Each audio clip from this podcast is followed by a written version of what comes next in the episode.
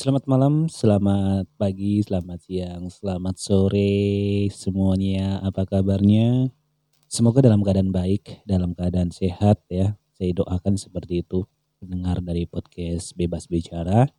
Dan kembali hadir saya Dri Laksono untuk kembali berbagi, membicarakan atau sharing yang menurut saya memang perlu disaringkan, menurut saya perlu dibagikan karena kalau tidak dibagikan menjadi unek-unek, menjadi apa namanya? eh, rasa yang terpendam dan itu sangat tidak baik bagi kesehatan apalagi di tengah-tengah pandemi corona akhir-akhir ini ya. Katanya kalau stres itu bikin imun tubuh itu menurun dan itu sangat rentan terkena virus ini. Udah nggak usah terus serius, oke? Pada episode kali ini saya akan membahas tentang ya ini mungkin saya sangat-sangat ini banget ya, sangat individual banget ya karena saya hanya akan men-sharingkan, bukan hanya ya, saya akan men-sharingkan gitu kegiatan saya selama di tengah-tengah pandemik virus corona ini. Jadi kalau kamu ya si detik ini mulai ah ini hanya mau ngomongin diri saya diri dari pembicara ah kayaknya nggak usah deh lanjutin dengerin ya udah cukup pause di sini dan cari podcast yang lain. Tapi kalau kamu mau kepo, mau apa yang saya eh, mau dengar apa yang saya mau bagikan, lanjutin aja ya. Oke. Jadi tema yang akan saya usung, akan saya bagikan pada eh, episode kali ini adalah yang saya lakukan di tengah-tengah pandemi corona gitu. Jadi seperti yang kita tahu bersama hmm, di seluruh dunia ini sedang menghadapi yang namanya virus corona. Semua orang tahu, nggak ada yang nggak tahu kan. Dan di Indonesia khususnya itu sedang digalakan tentang social distancing atau pembatasan sosial. Kalau di Jakarta di saat saya membuat podcast ini, merekam podcast ini di adalah hari pertama di di apa nih diadakannya apa namanya? Pembatasan sosial berskala besar itu itu di Jakarta. Nggak tahu saya eh, di hari berikutnya apakah sampai ke Jawa Barat atau daerah-daerah lain nggak tahu. Hmm, dan ya seperti itulah. Social distancing ini sudah mulai berlaku sejak beberapa minggu yang lalu ya sejak eh, Indonesia diperparah dengan korban-korban dari virus corona ini ya. Jadi orang-orang stay di rumah dari pelajar, pekerja itu tetap harus di rumah, tidak boleh keluar kecuali para buruh yang tidak bisa eh, apa, yang mau nggak mau harus keluar eh, dan pekerja-pekerja tertentu yang memang pekerjaannya tidak bisa dikerjakan di rumah, yang contohnya adalah saya sendiri. Jadi di tengah-tengah virus corona ini ya, saya pun masih keluar, masih bekerja keluar rumah karena kerjaan yang saya lakukan itu adalah pekerjaan yang tidak bisa dikerjakan di rumah gitu. Berkaitan dengan otomotif kan. Jadi ya mau nggak mau karena hmm, tempat kerja juga tetap buka seperti biasa ya. Sebagai pekerja yang baik, saya tetap bekerja gitu seperti itu. Tapi di saat di saat libur ya karena tanggal merah biasanya adalah hari libur di tempat kerja saya setiap tanggal merah dan hari Minggu pasti libur. Kalau saat libur saya yang biasanya saya gunakan di saat hari-hari normal saya gunakan untuk jalan-jalan, untuk refreshing keluar ruangan, keluar rumah, ke taman, ke tempat-tempat yang saya suka. Di saat eh, mewabahnya virus ini, setiap kali libur saya stay home, tetap di rumah. Ya paling keluar ya untuk beli makan lah, untuk beli bahan makanan gitu. Setelah itu kembali ke uh, uh, asalnya. Dan di tengah-tengah di rumah, maksudnya di, di saat di rumah tidak melakukan apa-apa yang saya lakukan, maksudnya tidak tidak melakukan aktivitas di luar. Ketika saya di rumah, yang saya lakukan adalah ya dengerin musik, nonton YouTube, ya itu adalah hal standar orang-orang saat ini orang-orang saat ini di saat uh, keluar rumah itu dibatasi adalah biasanya tidak jauh-jauh tidak jauh-jauh dari yang namanya YouTube dan game biasanya gitu ya. Iya gak sih? Iya kan? Dan uh, di saat saya keluar untuk bekerja gitu kan pasti tetap ada interaksi dengan orang lain gitu. Dan saya melihat masih ada orang-orang yang bandel gitu, bandel dengan argumennya berkaitan dengan virus corona. Walaupun virus corona ini semakin lama semakin parah, tapi ada saja orang-orang yang bandel gitu dengan uh, pemikiran-pemikirannya sendiri gitu. Yang bilangnya gini ya, saya dengar ya, gini. Hmm, virus corona itu jangan ditakuti, harus dilawan. Dalam pikiran saya ini gini, cara melawannya gimana gitu. Cara melawannya gimana? Menurut pemikirannya dia, argumentannya dia. Ya memang kita jangan takut sama virus gitu, harus dilawan. Tapi cara lawannya gimana? Kalau kalau kamu ya, Anda sudah berargumen, virus itu jangan ditakut harus dilawan, tetapi hidupmu itu tidak tidak dijaga kebersihannya, kesehatannya tidak dijaga, social distancing diabaikan, tidak dipedulikan, ke sana kemari nggak jelas.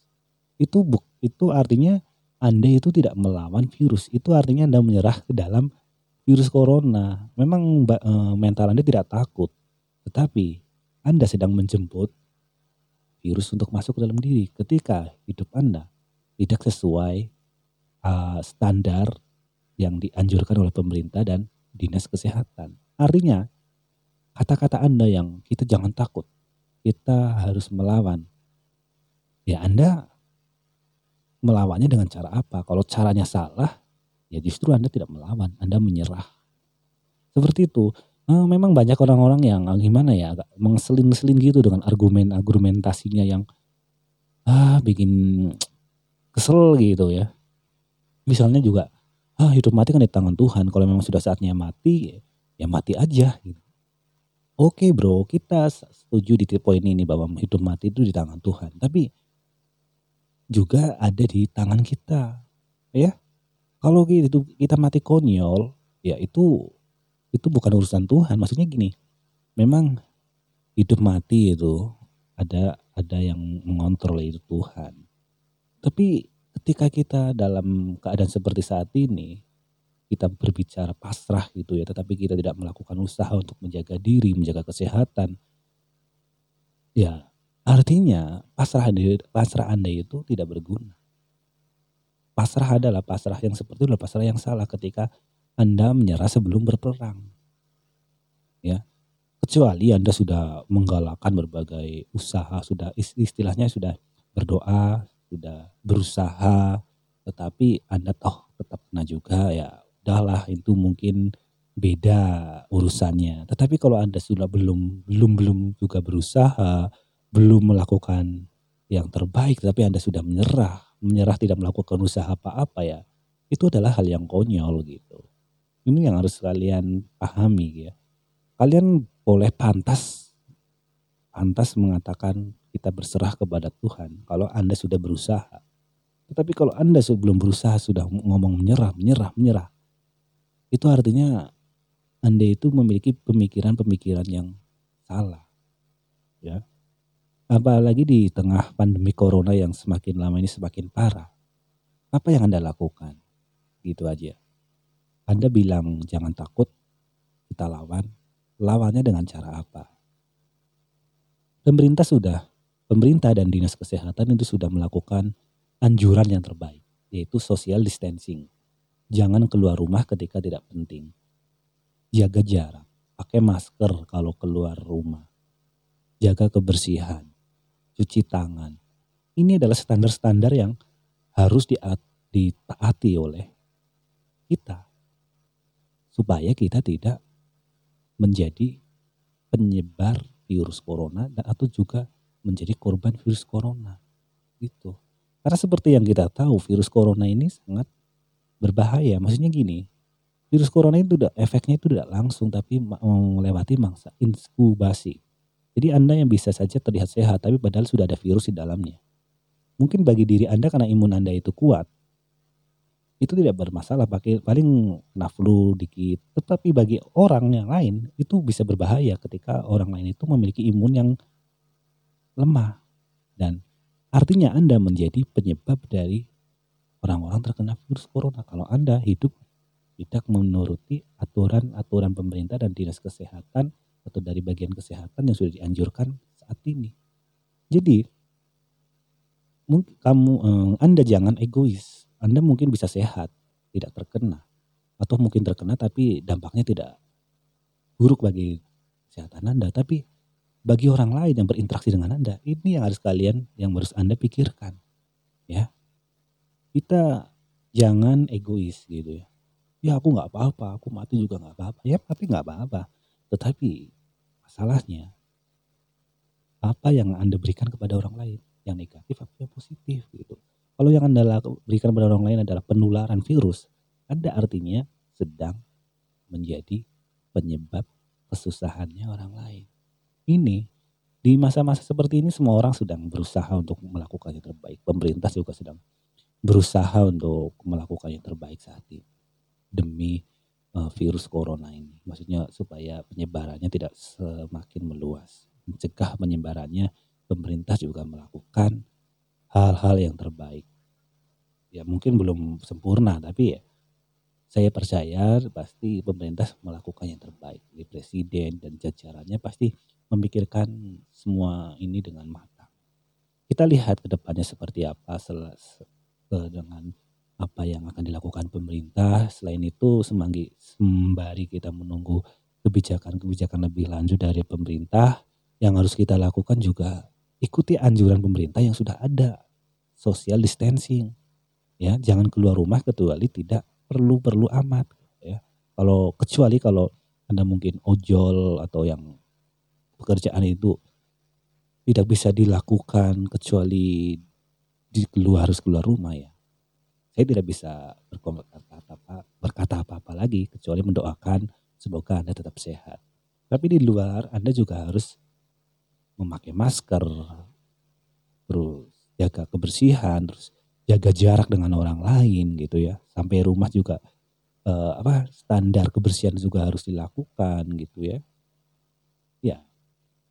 Eh, sementara kita menunggu apa yang dilakukan pemerintah lebih lanjut eh, berkaitan dengan pandemi corona di Indonesia pada khususnya, kita lakukanlah yang terbaik. Aturan yang sudah ada kita lakukan gitu ya. Kita jangan membantah gitu, jangan arogan, jangan sombong gitu ya. Apalagi ada kalangan-kalangan muda yang ah, saya ini masih muda, nggak apa-apa paling kena, kena virus juga paling efeknya flu. Iya mungkin seperti itu, tapi kita nggak tahu keadaan tubuh kita seperti apa ya. Seperti uh, imun Anda seperti apa. Mungkin karena virus corona ini efeknya itu berbeda-beda terhadap orang. Ya mungkin ada yang terkena itu efeknya tidak uh, hmm, apa ya tidak tidak parah, tidak fatal, tapi ada juga yang bagi untuk kaum muda pun terkena ini tetap fatal efeknya. Dan selain itu ya, selain dari yang saya katakan tadi, untuk orang lain gitu ya, kita tidak merasakan hal-hal yang fatal bagi diri kita sendiri ketika ada virus dalam diri kita. Tetapi untuk orang lain.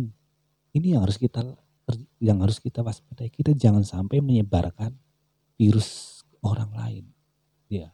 Jadi eh, bagi perantau ya, bagi yang di luar kota ingin pulang kampung di waktu dekat ini eh, pemerintah sudah menganjurkan jangan mudik ya. Karena memang dalam waktu dekat akan ada hari raya besar Idul Fitri, terus ada bulan suci Ramadan gitu ya sebelum bulan suci Ramadan terus hari raya Idul Fitri. Biasanya pada hal pada tahun-tahun normal itu kan orang itu mudik ya.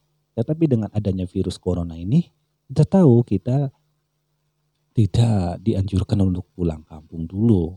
Ya demi uh, mencegah penyebaran dari virus corona ini. Ya taati aja gitu ya. Mungkin ya saya tahu saya kita paham mungkin tidak mudah mendam kerinduan bagi keluarga, terus kampung halaman.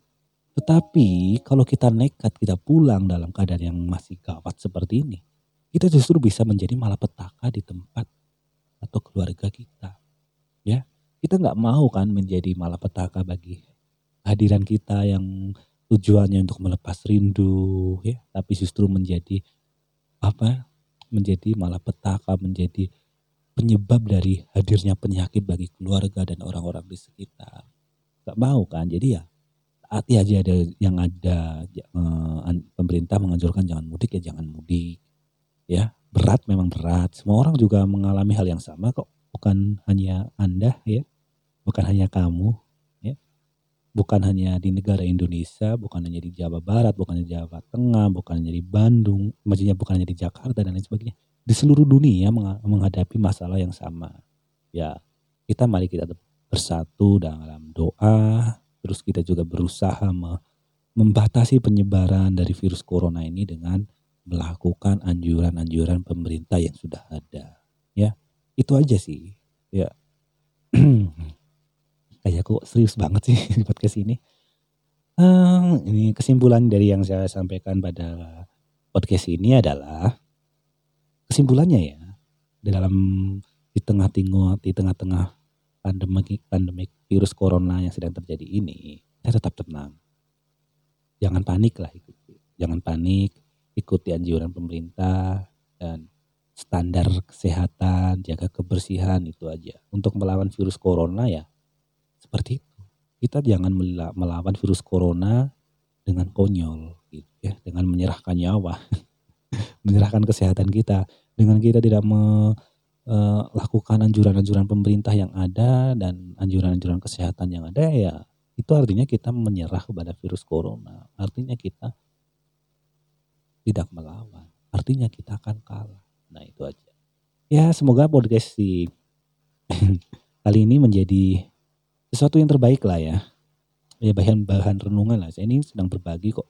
Saya ini di podcast kali ini bukan sedang menggurui, bukan sedang uh, sok ini sok itu. Enggak lah. Saya mengakui. Saya menyadari enggak sih kayaknya. saya hanya sedang berbagi, sedang mengeluarkan unek-unek, mengeluarkan perasaan saya, uh, ingin ngomong, ingin berbicara gitu ya. Karena saya tidak memiliki teman untuk curhat berkaitan dengan perasaan, jadi ya saya curhatkan di podcast ini di kali ini, podcast episode kali ini ya. Semoga ini menjadi manfaat lah, menjadi bahan renungan atau menjadi apa pun yang Anda rasakan ya. Oke, saya Tri Laksono undur diri dan terima kasih sudah mendengar diri sampai di menit ini dan terima kasih.